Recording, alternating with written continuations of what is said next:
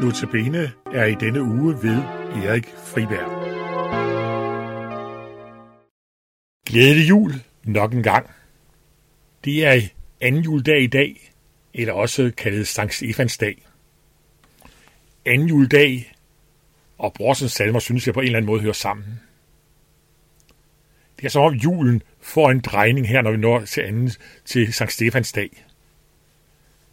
Har du været i kirke i dag, og præstbrus messehal, så han skiftet fra den hvide farve til den røde.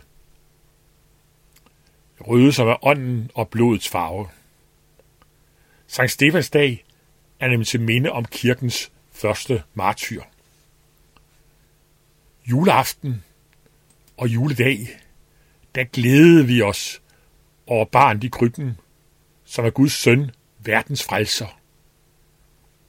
Vi har glædet over hyrderne, der fik englebesøg, hvor de første, som vi forkyndt juleevangeliet. Men Sankt Stevas dag kommer nye toner ind i vores jul. Vi hører lige her i salmen, der lod Gud en rose opskyde, og sæden om sider frembryde, at rense og ganske forsøde vor slægt den fordærvede grøde. Al verden nu burde sig fryde, med salmer mangfoldig udbryde, men mange har aldrig fornummet, at rosen i verden er kommet. Det kommer vi til at opleve her omkring, Stefan, øh, omkring Stefanus. Som sagt, Sankt Stefan, eller Stefanus, var kirkens første martyr. Han led, han lider døden for sin tro. Hvem er Stefanus? Vi kan læse om ham i Apostlenes Gerninger, kapitel 6, fra vers 8, og så hele kapitel 7. Stefanus, han var en af kirkens syv første diakoner, som havde speciel opgave med at uddeling til de fattige. Men Stefanus brugte også tid til at fortælle mennesker om Jesus, så de kom til tro på ham. Og det var der nogle jøder, som blev meget sure over.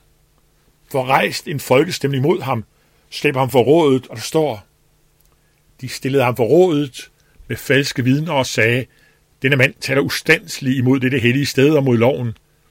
Vi har nemlig hørt om, at han sige, denne Jesus fra Nazareth vil bryde dette sted ned og forandre de skikke, som Moses har overlevet os, og overleveret os.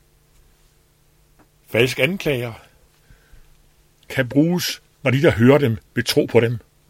Og der står, og det gjorde de til synlande, men samtidig står der, alle, der sad i rådet, stirrede på ham, for, at, for dem at se på hans ansigt som engens ansigt. Han er tydeligt mærket af et tæt samliv med Jesus. Han er mærket af Jesu kærlighed – den stråler igennem Stefanus. Så får Stefanus lov til at forsvare sig. Hans forsvarstale fylder det meste af kapitel 7, hvor han gennemgår hovedtræk i Israels historie, viser Guds indgriben og folkets troløshed. God idé at tage tid til at læse den.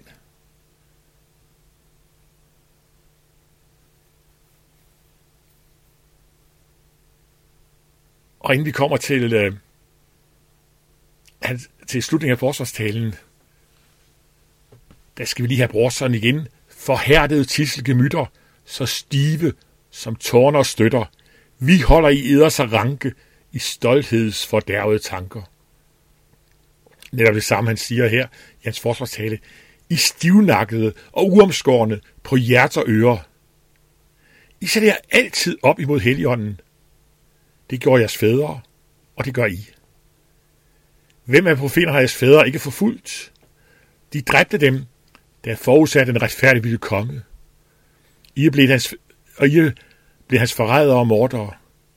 I modtog loven øh, på engles anvisninger, men I har ikke holdt den. Anklagen rådet for at være som folk har været gennem hele historien. De er forfulgt Guds profeter dræbt dem, og nu er de dræbt Guds søn Jesus. Det bliver man ikke populær af. Og vi kan i kapitel 7 læse videre. Da de hørte det, blev ramt i deres hjerter og skar tænder imod ham. Men fuld af helligånd stirrede Stefanus mod himlen. Han så Guds herlighed. Og Jesus stående ved Guds højre side, han sagde, Nu ser jeg himlen åben, og menneskesønnen stå ved Guds højre side. Da skreg de. Hold sig for ørerne og få alle ind på ham. De drev ham uden for byen, begyndte at stene ham. Vidnerne lagde deres kapper ved fødderne af en ung mand, der hed Saulus. Så stenede de Stefanus, mens han bad, Herre Jesus, tag imod min ånd. Han faldt på knæ og råbte med høj røst, Herre, tilregn dem ikke denne synd. Da han sagt dette, så han ind. Hvilken kontrast i dette stykke. På en side rådets vildskab, de skærer tænder, og Stefanus fuld af heligånden. Nu ser jeg himlen åben, og menneskesønnen stående ved Guds højre side. Og rådet, som far ind på ham, driver ham uden for byen og stener ham. Det virker som Stefanus har fred her i midt i stenene, der rammer ham. Han bider til Gud. Herre Jesus, tag min ånd. Og han falder på knæ og råber med høj røst, tilregn dem ikke deres synd. Da han sagt det, så han hen. Jo, hvad kan Stefanus sige det her? Jo, han kender den yndigste rose, som er fundet blandt Stives tårnopgrundet, hvor Jesus den dejligste pode blandt syndige mennesker groede. Han kender Jesus, derfor kan han være tryg midt mellem stenene. Han ved, det bærer hjem. Det er stort at kan bede for dem, der stener ham, som det er en frugt af samliv med Jesus. Jesus sind er blevet hans sind. Må denne sagt Stefans dag minde os om det vigtigste her i livet, det er at leve sammen med Jesus i tro på ham, tillid til ham. Lever vi tæt på ham, lev tæt på ham, der bliver vi mærket af hans sind. Og når vi lever tæt på ham, der oplever vi også en god, rigtig velsignet jul. Herre, tak for det forbillede, vi også har i Stefanus, som i tillid til dig kunne gå døden i møde, vidende det bare hjem. Herre, bevar os hos dig, led os fremad af dine veje. Amen.